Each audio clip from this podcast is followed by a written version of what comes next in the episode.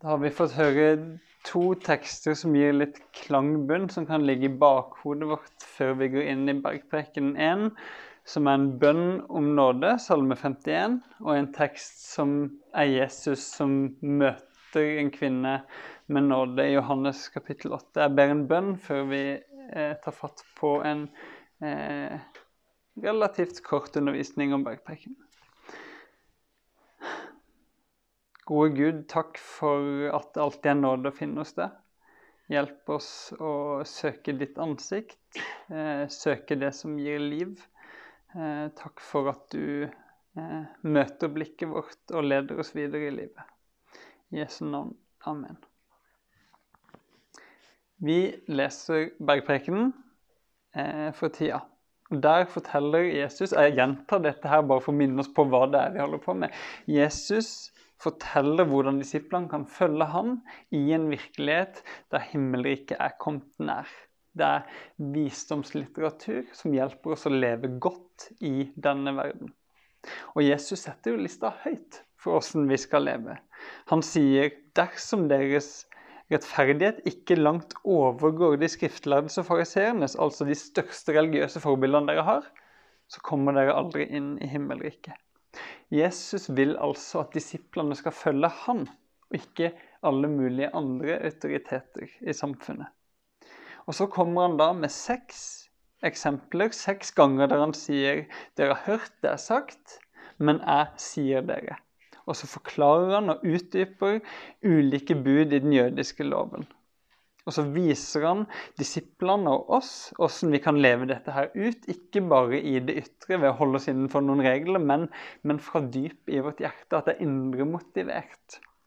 Eh, sist gang fikk vi høre om drap og sinne. Eh, og nå skal vi lese videre. Er dere klare for dagens utdrag av Bergpreken? Bra, da leser jeg. Jesus sier, dere har hørt det er sagt du skal ikke bryte ekteskapet. Men jeg sier dere, den som ser på en kvinne for å begjære henne, har allerede begått ekteskapsbrudd med henne i sitt hjerte. Om ditt høyre øye lokker deg til fall, så riv det ut og kast det fra deg. For det er bedre for deg å miste én kroppsdel enn at hele kroppen blir kasta i helvete. Og om din høyre hånd lokker deg til fall, så hogg den av og kast den fra deg. For det er bedre for deg å miste én kroppsdel enn at hele kroppen kommer til helvete. Ja, dere sa dere var klare? altså, ai, ai, Jesus, du gjør det ikke akkurat enkelt for oss. Du gjør det ikke lett for en stakkars eh, forkynner heller. Du du gjør det ikke lett for oss, Jesus, men jeg er bombesikker på at du gjør det godt for oss. At du vil det beste for oss. Igjen og igjen sier du det er bedre for deg hvis du, det er bedre for deg. Han vil vise oss det som er bedre for oss. Senere i Matteus kommer Jesus også til oss i Matteus evangeliet kapittel 11 og sier at mitt åk, altså min lære, er godt og min byrde er lett. Og i Johannes evangeliet, som vi også har hørt fra i dag, så sier Jesus at mens tyven bare vil stjele, drepe og ødelegge, så har han kommet for at vi skal ha liv og overflod. Det er dette livet, denne overfloden, dette gode livet som bergpreken er en invitasjon til å finne. Jesus inviterer oss til noe godt, men samtidig i den teksten her så virker det nesten som han truer oss med at hele kroppen skal bli kasta i helvete. Altså, hva mener han med det? Hva betyr det å bli kasta i helvete? Vi har noen århundrer med domsforkynnelse, Dantes Inferno, Donald-blader og Hollywood-filmer som gir oss assosiasjoner til smådjevler med horn, grotter fulle av flammer, skrekk og gru og evig pine. Men var det dette disiplene sa for seg da Jesus så sa ordet 'helvete'. Altså Alle de århundrene med assosiasjoner, det hadde jo ikke de som hørte det første gang. Dette minner, det har ikke manus, manuset mitt, men det minner meg om eh, min svoger spilte en gang av for meg et klassisk gitarstykke. Eh, veldig fint. Og så plutselig kom det Og jeg bare Nokia!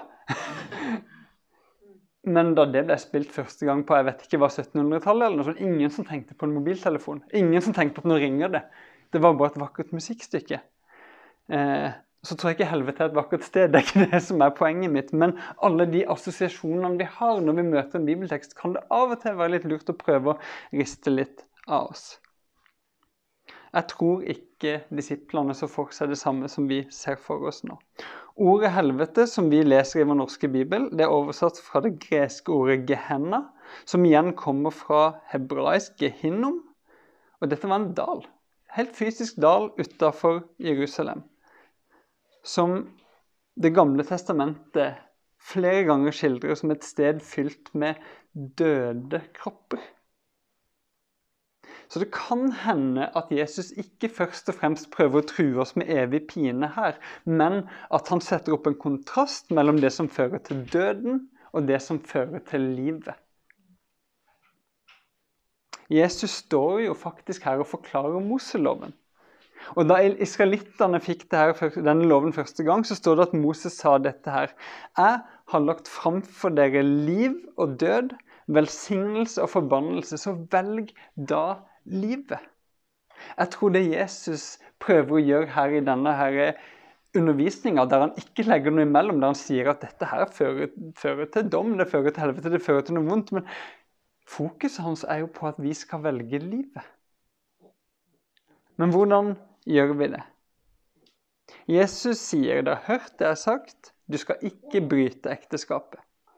Og, og det skjønner vi jo. Altså, Det er ikke godt og livgivende når noen er utro med sin ektefelle.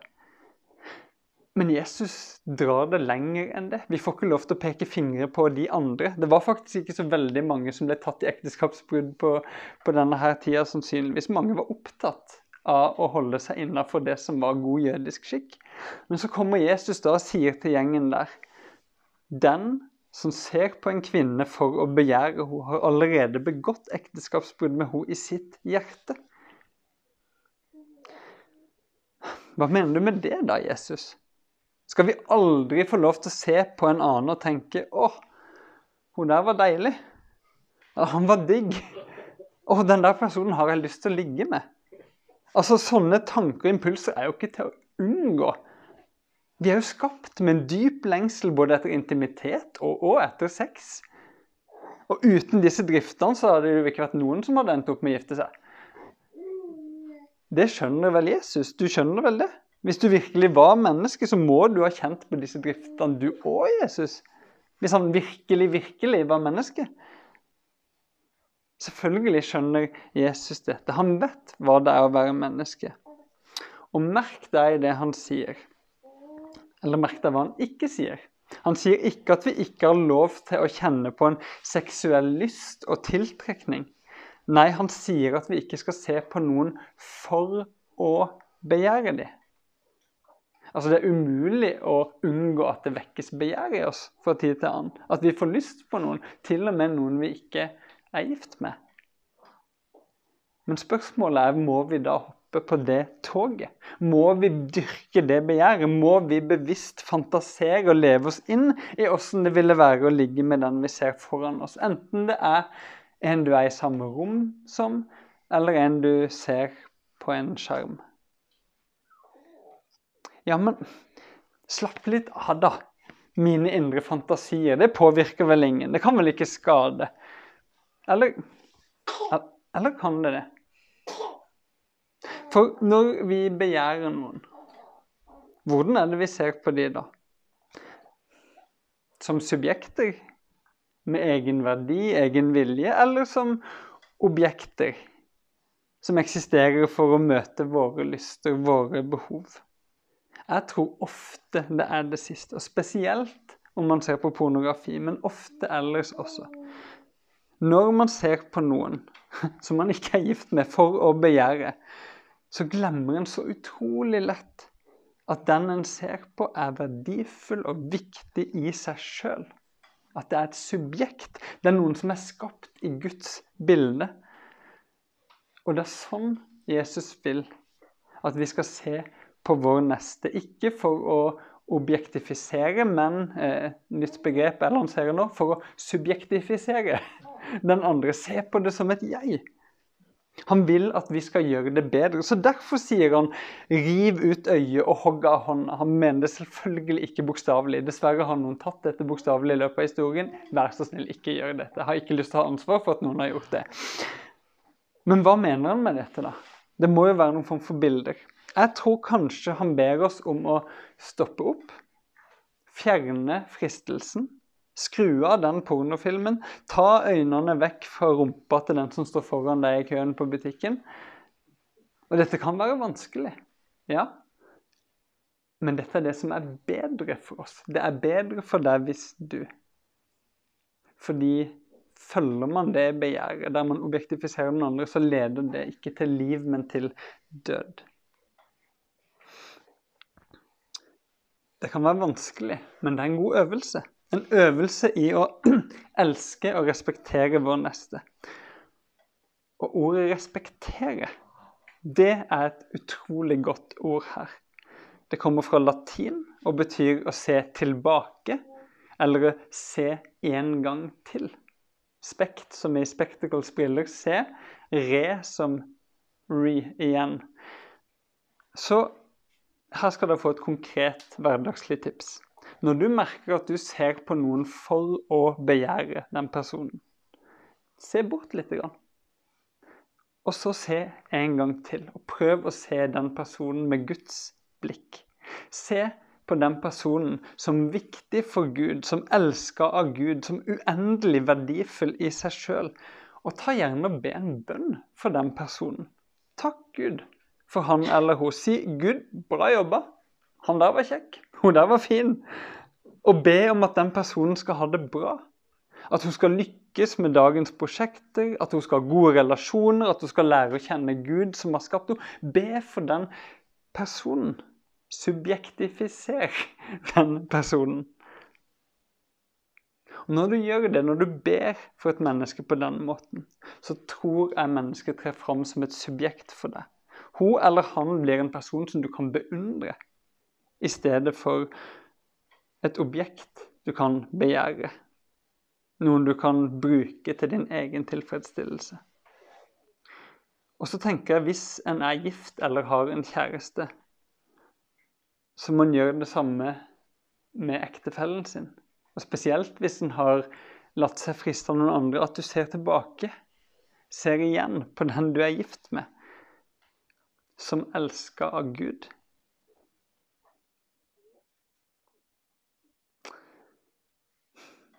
Når vi subjektifiserer mennesker i stedet for å objektifisere vi, de, da tror jeg vi er på sporet på det som alt av loven og profetene og Jesus' sin undervisning handler om, nemlig å elske vår neste som oss sjøl.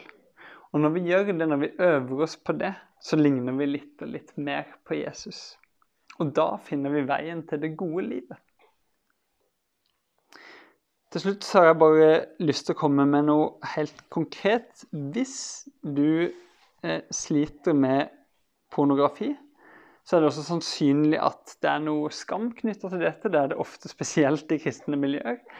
Eh, at du ser stygt på deg sjøl. Også da trenger du respekt. Du må se på deg sjøl med respekt. Du må se på deg sjøl en gang til med Guds øyne.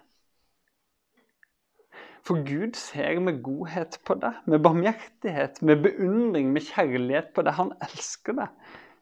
Og Gud som har vært menneske, skjønner også hvordan du har det. Han vil sette deg fri. Han vil sette deg fri fra det pornografien drar deg inn i. Ikke for at når du først er blitt fri fra det, da kan han elske deg. Da kan han respektere deg. Nei, nei, nei. Det begynner med at han respekterer og elsker deg, og derfor har lyst til å sette deg fri til det gode.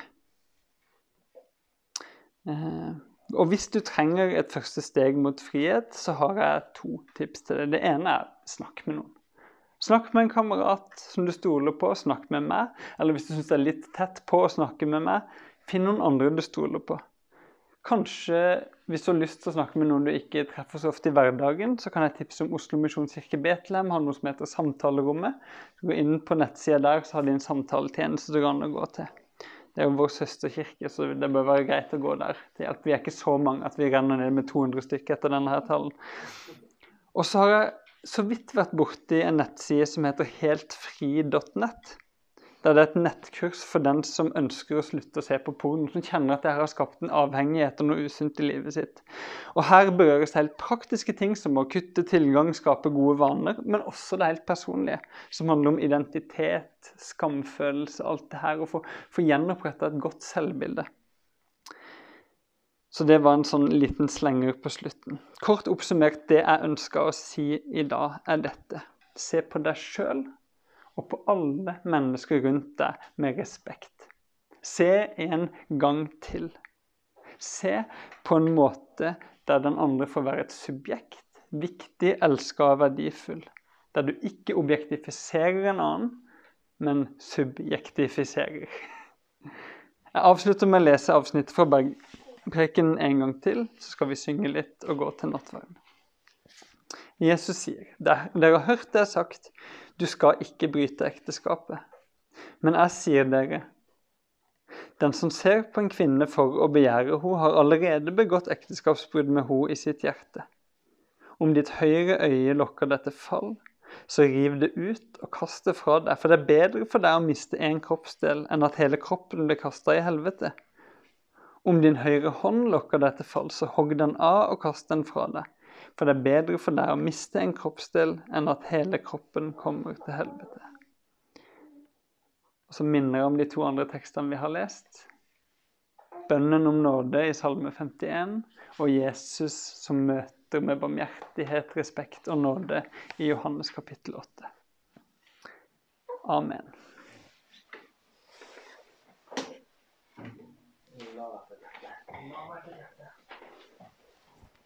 我还在想事。